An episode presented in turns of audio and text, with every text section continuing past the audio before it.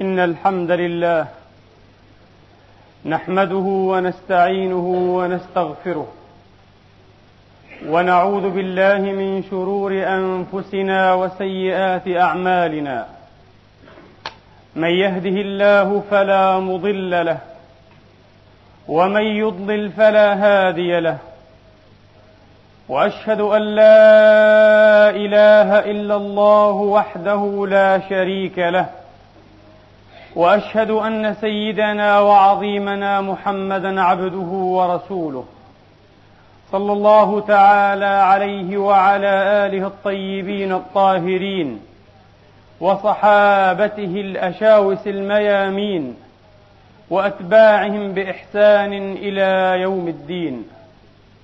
عباد الله أوصيكم ونفسي الخاطئة بتقوى الله العظيم ولزوم طاعته. كما احذركم واحذر نفسي من عصيانه ومخالفه امره لقوله سبحانه وتعالى من عمل صالحا فلنفسه ومن اساء فعليها وما ربك بظلام للعبيد اما بعد ايها الاخوه المسلمون الافاضل يقول الله سبحانه وتعالى من قائل في كتابه الكريم بعد أن أعوذ بالله من الشيطان الرجيم. بسم الله الرحمن الرحيم. قل إن صلاتي ونسكي ومحياي ومماتي لله رب العالمين. لا شريك له. وبذلك أمرت وأنا أول المسلمين. كما قال سبحانه وتعالى انا انزلنا اليك الكتاب بالحق فاعبد الله مخلصا له الدين الا لله الدين الخالص ايها المسلمون الاخلاص لله سبحانه وتعالى سر الفلاح والنجاح ومعيار القبول القبول عند الله سبحانه وتعالى ومؤشر العون كتب سالم ابن عبد الله بن عمر بن الخطاب رضي الله عن ثلاثتهم وأرضاهم أجمعين. إلى الخليفة الراشد الخامس عمر بن عبد العزيز يقول له عليك يا أمير المؤمنين بالإخلاص فإن عون الله سبحانه وتعالى لعبده بقدر ما يعلم من إخلاصه فإن عون الله سبحانه وتعالى لعبده بقدر ما يعلم من إخلاصه. وقد ابتدأ في إشارة لا تخفى على لبيب الإمام أبو عبد الله البخاري. صحيحه الجامع الصحيح ابتدأه بحديث إنما الأعمال بالنيات. رضي الله عن الإمام البخاري حين صنع هذا الصنيع واستنى هذه السنة. وجرى وسار في أثره وعلى نهجه كثير. من الأئمة المصنفين لا سيما علماء الحديث وبعض علماء الفقه فيبدأون كتبهم ومصنفاتهم ومؤلفاتهم بحديث إنما الأعمال بالنيات. سائلين الله بلسان الحال أن يكونوا ممن شحروا وأخلصوا نواياهم لله سبحانه وتعالى في هذه الأعمال في التآليف والتصانيف.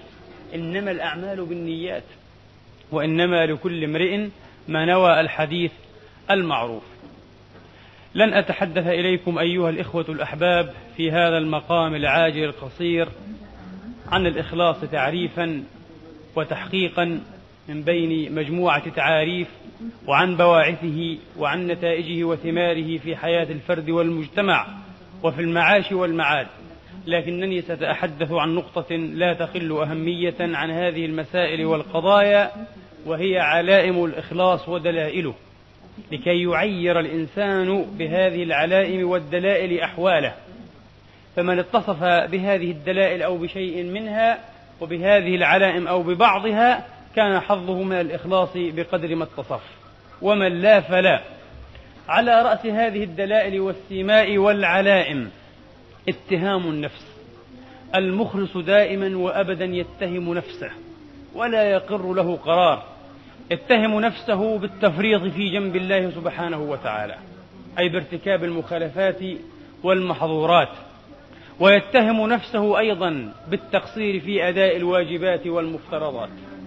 يخاف دائما وأبدا من حسناته ألا تغفر ويخشى على من سيئاته ألا تغفر ويخشى على حسناته ألا تقبل. بكى أحد الصالحين في مرض موته بكاء شديدا حتى رحمه من كان بالمجلس. فقال له بعض عواده يا فلان يا عبد الله لم تبكي هذا البكاء كله؟ وقد قمت وصمت وجاهدت وتصدقت وعلمت وذكرت فقال نعم. ولكن من يضمن لي أن شيئا من هذا كله في ميزاني وأنه مقبول عند ربي سبحانه وتعالى. صحيح فعلت هذه الأفعال الطيبة. لكن من يضمن أن الله قبلها وأن الله يثقل بها موازيني يوم القيامة؟ وقد قال سبحانه وتعالى إنما يتقبل الله من المتقين. أي أيوة وأنا لا أشهد نفسي بشيء من التقوى والتقوى عمل من أعمال القلوب كما في حديث وابصة ألا إن التقوى ها هنا ألا إن التقوى ها هنا ألا إن التقوى ها هنا. لكن عليها دلائل وعلائم عليها دلائل وعلائم. يتهم المخلص نفسه دائما وأبدا ولذا لا يغتر بثناء الناس فضلا عن أن يطلبه. بعض الناس يتقصدون ويتعملون استخراج الثناء والمديح الكاذب من الناس. وبعض الناس يدفع ويغري الناس بمديحه بطريقة أو بأخرى حتى يشيع عنه الإشاعات الطيبة. دعاية انتخابية. في جميع ميادين الحياة شيء غريب رياء العمل بلا نية عناء. والنية بلا إخلاص رياء كما قال إمامنا الغزالي رحمة الله تعالى عليه. العمل بلا نية عناء لا يفيد. والنية بلا تجريد وإخلاص رياء. كان الإمام علي عليه السلام وكرم الله وجهه. إذا أثنى عليه أحد أو مدحه بشيء قال اللهم لا تؤاخذني بما يقولون واجعلني خيرا مما يظنون واغفر لي ما لا يعلمون. اللهم لا تؤاخذني بما يقولون. مدح أحد الصالحين يوما فقال اللهم إنك أنت عالم بي وتعرفني وهم لا يعرفونني ولذا يمدحونني. ولو عرفوا حقيقتي لرموني بالحجارة. خرج ابن مسعود يوما من بيته رضي الله تعالى عنه وأرضاه فاتبعه نفر من الناس فقال لهم على ما تتبعونني؟ والله لو تعلمون على ما أوصد عليه بابي لتركتموني. أنا عندما أغلق بابي تحسب أنني أغلقه على الطاعات وعلى ما ترون مني؟ طبعا نحن نوقن بذلك ونقطع به. ولكنه يحسب أن بعض تقصيره في جنب الله تبارك وتعالى من كبائر الذنوب والأعمال. هكذا كان حال أصحاب رسول الله عليه الصلاة وأفضل السلام. ولذا قال أنس كما في البخاري إنكم لتأتون من كبائر, من كبائر الذنوب. ما تأتون ويحسب أحدكم أنه شيء هين يسير كالذباب على وجهه يقول به هكذا وهكذا. أو كما قال وكنا نأتي بعض الصغائر يحسب أحدنا الذنب الصغير كالجبل يوشك أن ينقض عليه فيهلكه. نحن كنا نتعاظم صغائر الذنوب. الصاحب الجليل يرى الذنب الصغير كالجبل يوشك أن ينقض عليه. وأما أنتم ترتكبون الكبائر وتحسبون أنها كالصغائر. كالذباب وقع على وجه أحدكم فهشه بيده عن يمين وعن يسار. هكذا وهكذا. أو كما قال رضي الله تعالى عنه وأرضاه. يظنون بي خيرا وما بي من خير ولكنني عبد ظلوم كما تدري. سترت عيوبي كلها عن عيونهم وألبستني ثوبا جميلا من الستر فأمسوا يحبونني وما أنا بالذي يحب ولكن شبهوني بالغير. فلا تفضحني في القيامة بينهم وكن لي يا مولاي في موقف الحشر. ما أحسن ما قال هذا الشاعر. أشار إلى معنى دقيق ولطيف جدا. أشار إلى أن الناس وأعني بالناس المؤمنين أولياء الله سبحانه وتعالى. وعوام المؤمنين هم أولياؤه سبحانه وتعالى. والكافرون لا مولى لهم. المؤمنون حين يتحابون إنما يتحابون بما يظهر من بعضهم لبعض. ولذا يتحابون حقيقة بما ستر الله من ذنب بعضهم على بعض. قال ابن عطاء الله رضي الله تعالى عنه وأرضاه من أكرمك وأحبك فإنما أكرم جميل ستره فيك. فالفضل لمن سترك وأكرمك لا لمن مدحك وشكرك. من أكرمك وأحبك ماذا أكرم فيك؟ أكرم فيك جميل ستر الله سبحانه وتعالى. لولا أن الله ستر عليك ما تعلم من نفسك وما يعلمه سبحانه وتعالى منك لسقطت رتبتك ولا نزلت منزلتك بين الناس. ولربما صرت مثلا في السوء ومثلا في العصيان والنكود والعياذ بالله. من أكرمك وأحبك فإنما أكرم جميل ستره سبحانه وتعالى فيك. فالفضل لمن سترك وأكرمك لا لمن مدحك وشكرك. المخلصون دائما يتهمون أنفسهم. ما أحسنوا وما أساءوا دائما يتهمون أنفسهم. ولا يقر لهم قرار. ولا يفرخ لهم روع.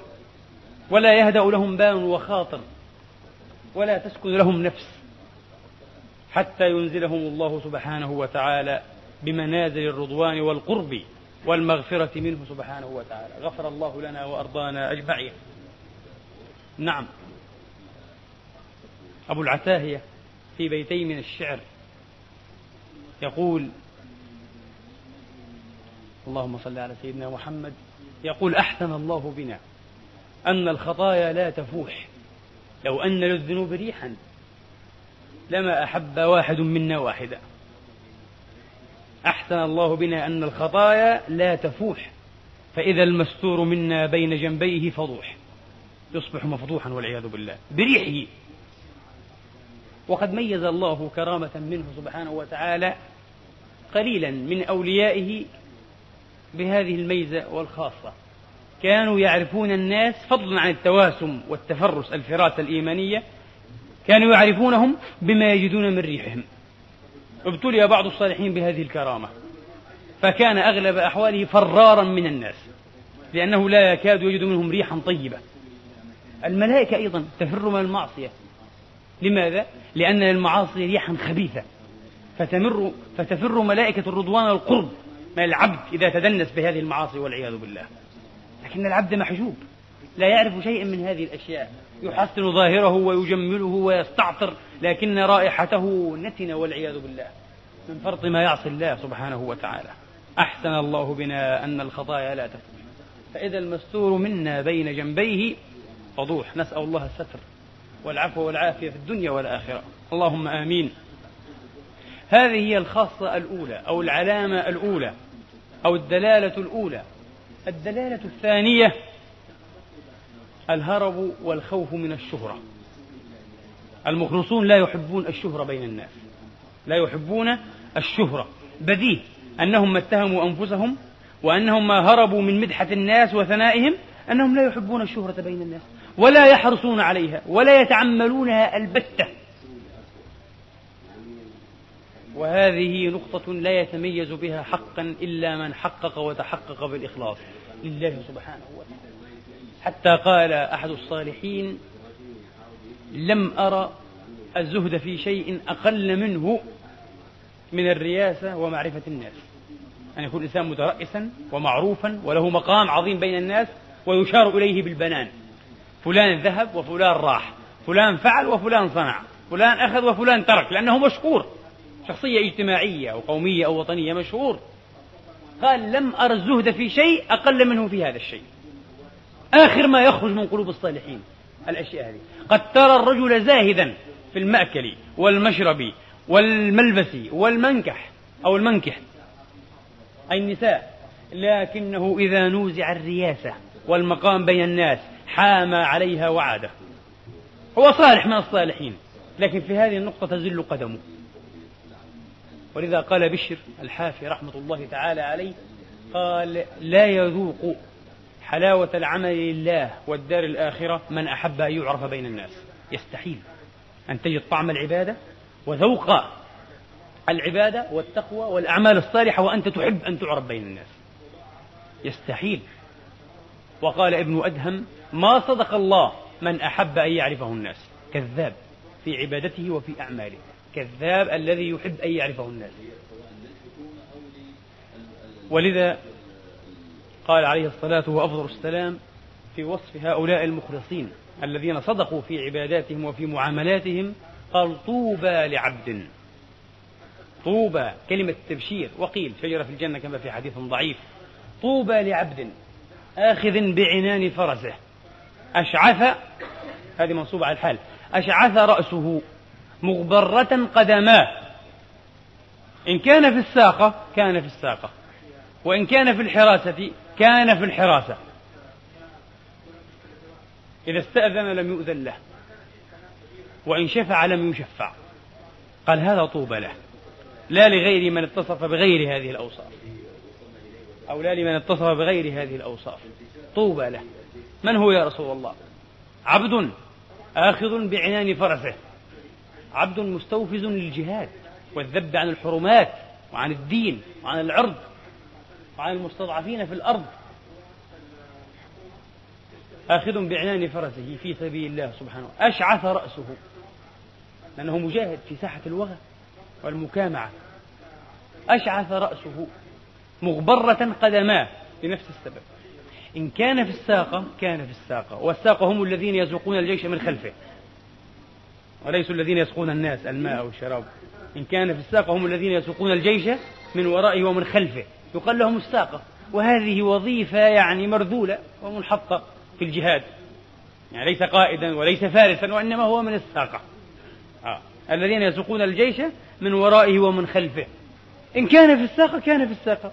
لا يحزنه ولا يغيظه ولا يحنقه. أنا مسلم أخدم ديني وأمتي وأخلص العمل لربي في هذا الموطن فليكن. من الساقة. لا يبتغي أن يكون قائدا. لا يقاتل حتى يصير قائدا. لا يسفح الدماء البريئة الطاهرة حتى يكون قائدا. كما ترون الآن في أفغانستان وغيرها. الشيء الذي شوه صورة الإسلام وتجهم محياه لأجل هذه الأفكار والنفوس المريضة. والشيء الذي يمكن أن يحصل مثله وأكثر منه في كل مكان وفي كل بلد ما دامت نفوس المسلمين بهذه الطريقة. ما دام المسلمون لا يعملون لله مخلصين. يعملون للشهرة والقيادة والتصدر واجتناء المنافع. وقد يغر بعضهم بعضا وقد يغتر أحدهم بنفسه والعياذ بالله. فيوهي نفسه كذبا وزورا وبهتانا ورياء أنه من المخلصين. المخلص لا يتقدم ولا يطلب الشيء ولا ينازع عليه ولا يقاتل. إنك أن أعطيتها من غير مسألة أعنت عليها. فكيف يا رسول الله إن طالبها وقاتل وسفح الدماء البريئة عليها؟ كيف يعان عليها؟ لا أعانه الله. هذه المعاني معاني بعض الناس يعتبرونها دروشة. وحدث أكثر مرة أن سمعت من بعض المتفيهقين ممن لا علم لهم ولا تحقيق. يعني ينعون على مثلي وعلى كثير من المتحدثين لماذا تحدثون في هذه القضايا؟ كأن هذه القضايا لا تهم المسلمين. يريدون حديثا متصلا في السياسة. ليل نهار. السياسة من يصلح لها؟ أمثال هؤلاء الأسافل؟ أمثال هؤلاء المرائين؟ السياسة الإسلامية سياسة العباد بشرع الله سبحانه وتعالى لا يصلح لها إلا المخلصون إلا الصادقون إلا أمثال عمر وعلي. وأبي بكر. أمثال هؤلاء. لماذا تحدثون في قضايا التربية الروحية؟ لماذا؟ هل استكملت تربيتك؟ هل شهدت لنفسك أنك من الناجين؟ ومن الواصلين المخلصين؟ كلنا بحاجة إلى تربية. كلنا وأنا أول الناس بحاجة إلى تربية متصلة والله. لأننا ما استكملنا شيئا من أقساط هذه التربية. ونتصدى لدعوة الناس ونحب أن نقود الناس. وربما قدناهم إلى الجحيم من أكثر طريق. إن كان في الساقة كان في الساقة. وإن كان في الحراسة كان في الحراسة. اشتغل حارسا اشتغل على العين والرأس. تعرفون قصة ابن الوليد؟ ذكرتها ألف مرة. الكل يعرفها سمعتموها وقرأتموها. لكن قصة غريبة وعجيبة. يعني بعض الناس يتحدث عن خالد. خالد الذي فعل والذي فعل. يشوهون خالدا. من أين لنا مثل خالد الذي نصره الله وأظفره في 119 معركة. في الجاهلية والإسلام أين مثل خالد في تاريخ الدنيا كلها؟ على طوله وعرضه. 119 معركة. لم يهزم فيه واحدة منهن. ثم يأتيه الجواب من عمر. اعتزل يا خالد عن إمرة وقيادة جيش الشام. وكن جنديا عاديا. فارسا ملحقا بإمرة أبي عبيدة أمين هذه الأمة رضي الله عنه وأرضاه. وليس هكذا فقط.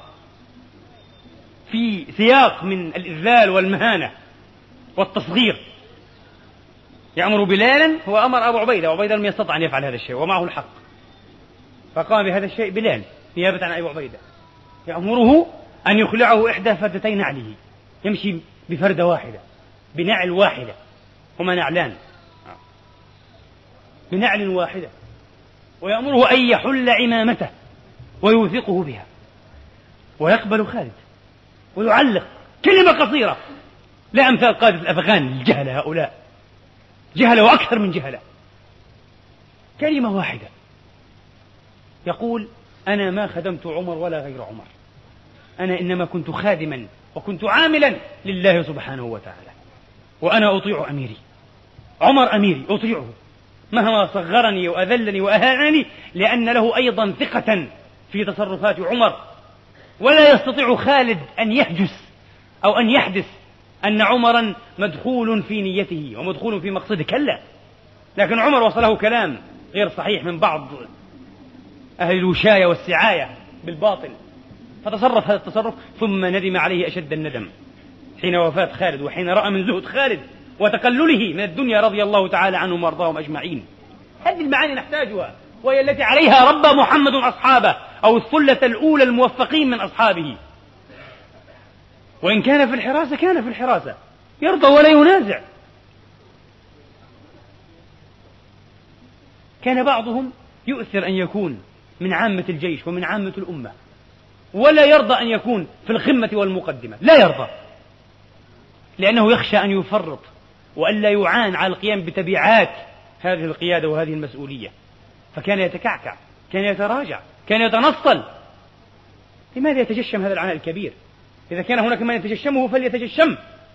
لكن أنا لا أتجشمه. إذا استأذن لم يؤذن له لأنه غير مشهور وغير معروف. من فلان استأذن؟ لا. لا يدخل على الأمراء أو على علية القوم. وإن شفع جاء يشفع في بعض الناس أو في بعض القضايا لم يشفع لأنه لا وجه له. وجه غير معروف. من أنت حتى تشفع؟ هذا العبد الذي يريده رسول الله. مثل هؤلاء يقودون أمما. يحيون أمما من موات ويحركونها من سكون. هؤلاء. ولا نخشى والله. هؤلاء نضع حتى أرواحنا في أكفهم هم ونخشى على أنفسنا. من من قادة المسلمين المعاصرين يتميز بمثل هذه الأخلاقية؟ الآن يبرز أمامي على الفور القائد البوسنوي علي عزت بيكوفيتش لطالما قرأنا عنه وسمعنا عنه أشياء والله. نخجل نحن العرب. أن يتسم بها مسلم بوسنوي الإسلام لا يفرق. الإسلام رفع النقيصة ووضع الله به عنا الخفيفة. لا يفرق بين بوسنة وعربي لكن العربي على الأقل أقرب إلى فهم الإسلام. بلا شك العرب أفهم من الإسلام وأكثر تشدقا وثرثرة بفقه الإسلام وفهمه. لكن أين العمل؟ أين الفقه الحقيقي بهذا الإسلام؟ رجل قائد أمة هذا رئيس. تقرؤون وتسمعون. وقد رأيت منه أشياء. عن تواضعه وعن تجرده وعن إخلاصه وعن نظافة يده. الشيء العجيب. الذي لا يكاد يصدق أن الله أبقى في الأمة. ممن يقودها على هذا المستوى مثل هذا الرجل. بارك الله فيه وأطال في عمره. ومتع بقيادته لهذه الأمة. وأنا موقن أنه لولا هذا الرجل بعد رحمة الله وعونه ولطفه لذهبت هذه الأمة. لحصلت بالكامل. لكن كرامة لأمثال هؤلاء المخلصين وهم قلة في هذه الأمة. على مستوى القيادة يتحدث وليس على مستوى القاعدة. نحتاج إلى هذه المعاني العمل بعيدا عن الأضواء. لماذا نتقصد الأضواء ونتعرض لها؟ بعيدا عن الأضواء بعيدا عن الشهرة بعيدا عن طلب الثناء والمدح من الناس. العمل لله. من طلب رضا الناس وثناء الناس المتصل شقي بطلبه. وعناه مقصده. والله لا يحصل عليه. ومن في الناس يرضي كل نفس. وبين هوى النفوس أمد بعيد. إن أرضيت هذا أسخطت هذا. إن أحبك هذا أبغضك هذا. يستحيل أن ترضي جميع الناس. فاطلب رضا الله. أخسر طريق وأهون على الوصول إن شاء الله إلى رضوانه. اطلب رضاه. أخلص له لا إله إلا هو. فيه توحيد الهمة فيه توحيد الوجهة فيه توحيد المقصد أخسر طريق إلى راحة النفس وسكينتها. ويتحقق إن شاء الله تعالى. لكن رضا الناس أبدا. بين هوى الناس أمد بعيد. إذا هذه هي العلامة أو الميزة الثانية. الميزة الثالثة العمل بالأنفع لا بالأحب الأرضى للنفس. وهذا مزلق كبير جدا من مزالق الغرور. النفس قد تغر وكثيرا ما تغر صاحبها. العبد يأتي ويقول أنا أحب هذه العبادة أحب أن أعتمر كل سنة. عظيم اعتمر لكن يا أخي لماذا لا تدفع هذه النقود التي تعتمر بها كل سنة إذا مست الحاجة إليها؟ أو إن مست الحاجة إليها للمجاهدين في كشمير في فلسطين في البوسنة في الفلبين في أي مكان فيه مأساة نازفة ودامية وقابضة. لماذا؟ يقول لا لا أرتاح أنا أرتاح أنا أعتمر. يريد أن يعد الناس وأن يعد لنفسه عمراته. اعتمر سبع عمرات أو سبع عمر. سبع عمرات يقول. يريد هذا هذا غرور. يقدح في إخلاصه. ادفع ما هو الأنفع. أن تدفع المجاهدين أنفع بكثير من أن تعتمر عمرة كل سنة. أنفع بكثير بمئات ربما بآلاف المرات.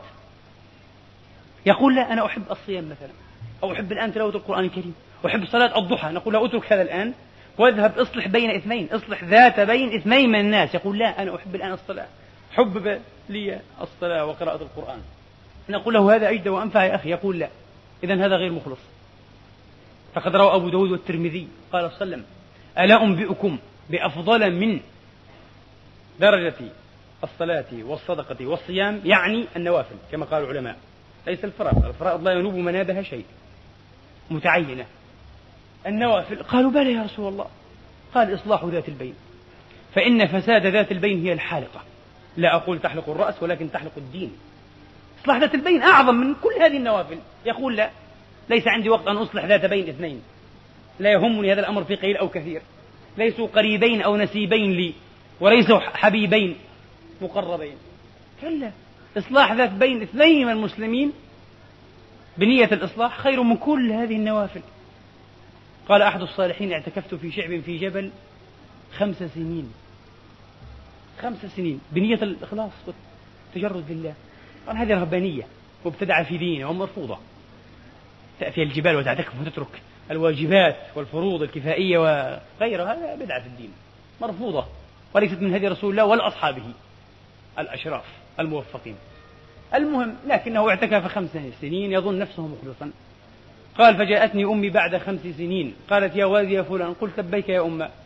قالت اذهب فاستقي لي أريد ماء والماء بعيد في بئر. قال قلت لها نعم وكرامة عين لكن وفي قلبي غضاضة لأنها أخرجتني من عزلتي خرجتني من كهف تعبدي أذهب لها. قال فعلمت أنني لست مخلصا. كان واعيا على علم على رجل من رجال الله.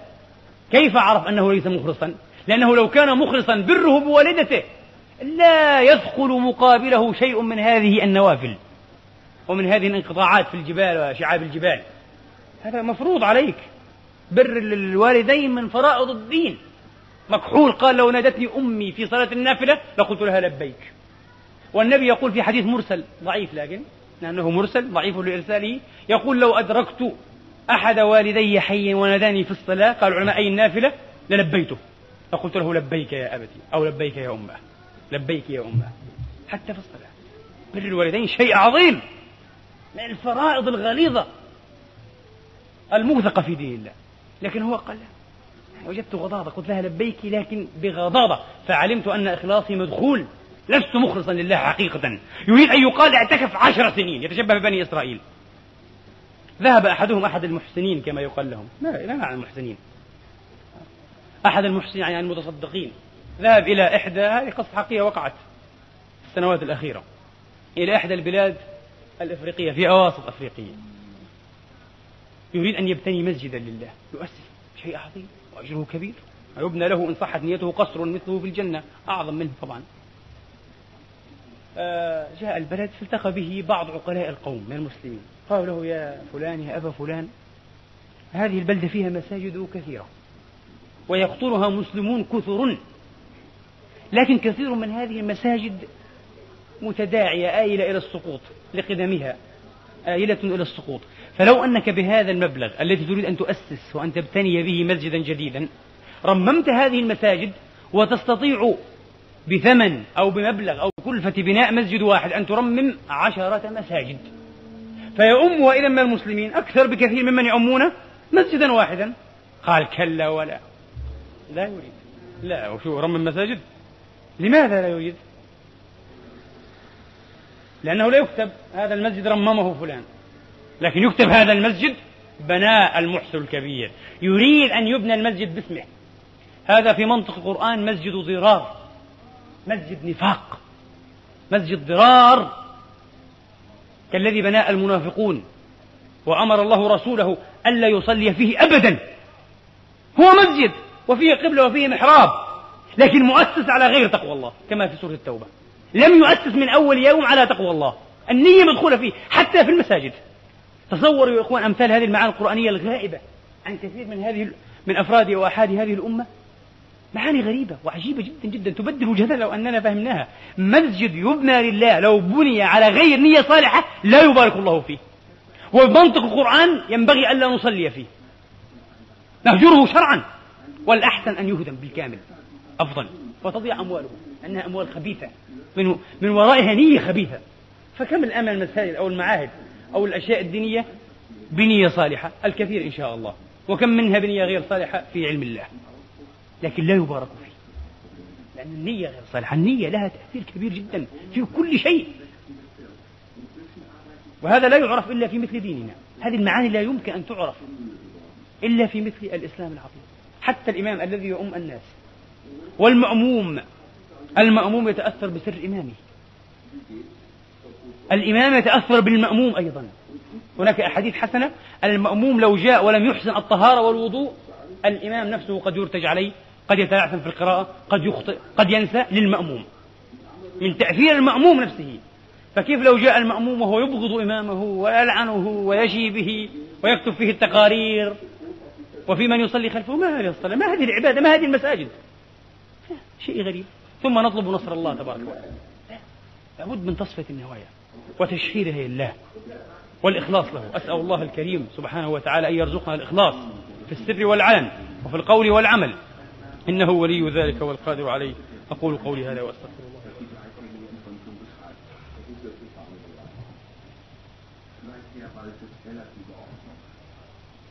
الحمد لله رب العالمين والعاقبة للمتقين ولا عدوان إلا على الظالمين.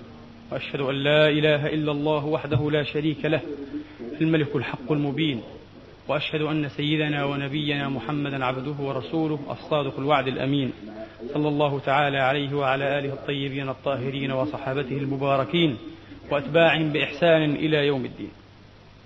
سأتحدث إليكم في نقطتين سريعا إن شاء الله تعالى في هذه الخطبة الثانية.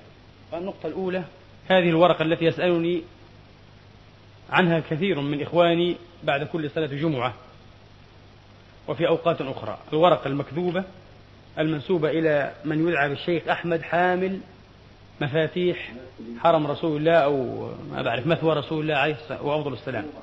هذه الورقة يا إخوان كما يعلم أكثركم تطبع وتوزع علينا نحن المسلمين المساكين منذ أكثر من عشرين سنة. أنا عندما كنت طفلا صغيرا في أول مدارج الابتدائية كنت أقرأ هذه الورقة. وتوزع هنا هناك في فلسطين. في كل مكان توزع هذه الأوراق الغبية. عجيب. هل ما زال أعداء الإسلام إلى اليوم يظنون أن أمتنا من الغفلة والغباء والبلادة والذهول وحالة الاستينام ما يمكن أن تحارب بأمثال هذه الوسائل؟ يمكن. هم يظنون ذلك. في الأمم المتحدة مبنى الأونسيتي قبل ثلاث سنين وزعت أوراق أيضا بالمجان أوراق مطبوعة طباعة جيدة. يعني تصب في نفس مصب هدف هذه الورقة. إشاعة الفكر الخرافي بين المسلمين. دين الله كما تعلمون تم في اليقظة تم في وضح النهار ولم يتم في المنام أو بالرؤى. قال رأى هذا رأى الرسول في المنام. فكان ماذا رأى الرسول؟ ليس فيه تشريع. وبشر وأنذر وافعل كذا واكتب كذا وإلا كذا. كلام فارغ إشاعة الخرافة. ثاني شيء أمثال هذه الأوراق تفهم المسلمين أن الساعة قريبة جدا جدا. قاب قوسين أو أدنى إذا خلاص. لا نجاهد اليهود ولا نجاهد الصليبيين ولا أعداء الدين ولا نبني دولة إسلامية ولا نعيد مجد الخلافة ولا ولا لأن الساعة قريبة. يعتني كل واحد منا بنفسه بصلاته وعبادته وانتهى كل شيء. لأن الساعة قريبة جدا. الله سينتقم من اليهود والصليبيين ومن أعداء الدين. مقصد خبيث أيضا في هذه الورقة. هذه الورقة أيضا من مقاصدها ومقاصدها كثيرة بلا شك لأنها توزع بإلحاح منذ أكثر من عشرين سنة. كل سنة توزع هذه الورقة. يؤسفني أن بعض المسلمين طبعا يتشكك وكأنه يخاف لأن لو أنه مزقها أن يحدث له كذا وكذا وكذا كما يقول الكذاب. ويبدو أنه من جهة القديانيين. أنا لا أستبعد أن الذي يكتبه قدياني لأنه ذكر الروبيات عدة مرات. ستة آلاف روبية وخمسة عشرة ألف روبية. لماذا روبية؟ توزعها بين العرب. نحن نتعامل ليس بالروبيات. فيبدو أنه قدياني. قديانية هذه منظمة جماعة دينية نشأت في الهند. الملعون ميرزا غلام أحمد لعنة الله تعالى عليه. المتنبئ الكذاب. ادعى المهدية ثم ادعى النبوة ثم ادعى الرسالة. تدعمهم طبعا إسرائيل وإنجلترا على وجه الخصوص. وعندهم قناة فضائية في التلفزيون من إنجلترا. تدعمهم. فيبدو أن القديانيين ومن وراءهم وراء هذه الأوراق وأمثالها فاضربوا عنها الذكر صفحا. عندما تقع أمثال هذه الورقة في يدك مباشرة بادر إلى تمزيقها. حتى تفهم من أتاك بها أن ليس لها أي مصداقية. من أهدافها الخبيثة يا أحبابي أيضا التشكيك في مصداقية دين رسول الله عليه السلام. لأنه ما دام الرسول هو الذي جاء في المنام ورؤياه حق ومن رآني فقد رأي فقد رآني حقا فقد رأى الحق. في رواية أخرى في البخاري أو في لفظ آخر. كان الرسول جاء في المنام في رؤيا حق وقال هذه أشياء. طبعا أنا مزقتها لن يحدث لي شيء. لا حدث سيارة ولا حدث طيارة إن شاء الله تعالى. إلا أن يشاء الله شيئا وسع ربي كل شيء علما. لن يحدث لي شيء وكثيرا ما أحرقتها وأمرت بذلك ولم يحدث لنا شيء بفضل الله. إلا كل خير وتوفيق وإسعاد. عندما الإنسان يمزقه ولا يحدث له شيء يتشكك. عندما تمزق يمزقه حتى أحد المتعنتين أمثالنا ولا يحدث له شيء يتشكك الآخر الذي آمن بها. طب عندما أنسخها ثلاثين وثلاثمائة نسخة ولا أجلب ستة ألاف روبية أو ستة ألاف شلن إذا أتشكك أيضا. إذا هذا كذب إذا الرسول يشككون الناس بطريقة طبعا ساذجة. المفروض ألا تنطلي إلا على مسلم يعني بلغ من السذاجة والبساطة مبلغا بعيدا جدا. لكن أي مسلم واعي لا يمكن أن يصدق أمثال هذه الأشياء. النقطة الثانية يا أحبابي وقد سمحت لنفسي أن أعرضها من على هذا المنبر الشريف. نقطة ترجمة المصحف العظيم الكريم إلى اللغة الألمانية. مشروع والله العظيم مشروع ضخم جدا. يعني غمرت نفسي فرحة كبيرة عندما اطلعت عليه. وجدته فعلا وقد تمت ترجمته في خمس أو خمسة مجلدات عظيمة مطبوعة طباعة فاخرة لأول مرة إلى لغة أوروبية. حتى الإنجليزية نفسها تفتقر إلى هذا الشيء. لأول مرة يترجم القرآن مثل هذه الترجمة. ترجمة معان وترجمة تفسير. ليس مجرد ترجمة معاني. ترجمة المعاني في الجزء الأعلى. وفي الجزء الأسفل وهو الأوفى حظا وقسمة من الكتابة والطباعة. أه؟ هو ترجمة تفسيرية. من أدق المراجع التفسيرية وبأدق طريقة للترجمة. ثلاث عشرة سنة مؤسس بافاريا بارك الله في القائمين عليه وفيها وهي تواصل الليل بالنهار لتتم هذا المشروع. وقد تم بطريقة سمعتها من القائم على هذه المؤسسة الرجل الصالح الصادق الذي أشهد له كما رأيت منه بالإخلاص. ما أظن أنني رأيت هنا في العمل الإسلامي في أوروبا رجلا قريبا من الصدق والبساطة والإخلاص مثل هذا الرجل. لذا لا احترام له حتى بين كثير من الناس حوله لأنه متواضع وبسيط ومخلص. لا يحب الدعاوى والانتفاخ والانتفاج. رجل عجيب يحدثنا حديثا يقطع القلب. مشروع مثل هذا يا أحبابي مشروع والله تنوء به يعني معاهد كبيرة وكليات وربما دول. الولايات المتحدة الأمريكية في السنة الأخيرة تنفق 150 وخمسين مليونا كما ذكر محمد حسن هيكل في الجزء الثالث من المفاوضات السرية بين العرب وإسرائيل. 150 مليونا في سنة واحدة. على ماذا تنفق؟ تأسيس جامعات ومعها أبدا على محاربة الفكر الإسلامي بشتى الوسائل. في مطبوعات في نشرات مداخلات محاورات مناظرات مؤتمرات. 150 مليونا لكي تحارب الفكر الإسلامي وتشوهه وتلطخه في سنة واحدة. والمسلمون لا يستطيعون أن يدعموا مشروعا كهذا. يقوم عليه أناس أمناء ومخلصون. ب 250 ألف مارك فقط بربع مليون مارك. الكل ينفض يده الكل يسحب يده. فأيها الأخوة نتقدم إليكم بطلب صادق ليس لنا فيه إن شاء الله تعالى إلا ابتغاء رضوانه. عز وجل كل من كان منكم محتاجا إلى هذه الترجمة بالذات الإخوة الذين قد بنوا أو تزوجوا بأخوات ألمانيات أو نمسويات مسلمات أو حتى غير مسلمات أن تتقدموا بطلب شراء نسخة من هذا الكتاب. وقد كان مقرر له أن يباع ب 500 مارك ولم يشتري أحد. لأن المسلمين كما قلت كثيرا ما يتكلمون لو لو. وعندما يحصل لا, لا, لا نريده. يبحث عن نسخة مشوهة ترجمة محرفة ب 100 شيء أفضل له ب 500 مارك. فنزل سعره من 500 إلى 200 300 مارك 2000 شيلين فقط. خمسة مجلدات مطبوعة طباعة فاخرة ومخيطة ملازم من أحسن الطباعات. كتاب مثله باللغة الألمانية هنا لا يباع أقل من 700 مارك. في مثل هذا الحجم. فنريد من كل أخ إن شاء الله يجد في نفسه الحاجة الماسة وغير ماسة إلى اقتناء هذا الكتاب أن يتقدم بطلب شرائه إن شاء الله حتى نوافي مؤسسة بافاريا بهذه الطلبات وحتى تبعث إن شاء الله هذه النسخ على العناوين المرقومة وبارك الله فيكم. اللهم اغفر لنا ما قدمنا وما أخرنا وما أسررنا وما أعلنا وما أسرفنا وما أنت أعلم به منا أنت المقدم وأنت المؤخر. لا حول ولا قوة إلا بك ولا إله إلا أنت. اللهم اهدنا إلى أحسن الأخلاق لا يهدي إلى أحسنها إلا أنت. واصرف عنا سيئها لا يصرف سيئها إلا أنت. لبيك وسعديك والخير كله في يديك. إنا بك وإليك. اللهم بك المستعان. اللهم أعنا على أمرنا جميعا. اصلح ذات بيننا وحد صفوفنا واجعلنا على قلب أتقى رجل واحد منا يا رب العالمين. اللهم عليك بأعدائنا أعداء الدين. اللهم انصر الإسلام والمسلمين. وارفع راية التوحيد والموحدين. اغفر لنا ولوالدينا أجمعين. اجزهم بالإحسان إحسانا وبالسيئات غفرانا. وللمسلمين والمسلمات المؤمنين والمؤمنات. الأحياء منهم والأموات. بفضلك ورحمتك إنك سميع قريب مجيب الدعوات. عباد الله إن الله يأمر بالعدل والإحسان وإيتاء ذي القربى وينهى عن الفحشاء والمنكر والبغي. يعظكم لعلكم تذكرون. اذكروا الله يذكركم واشكروه.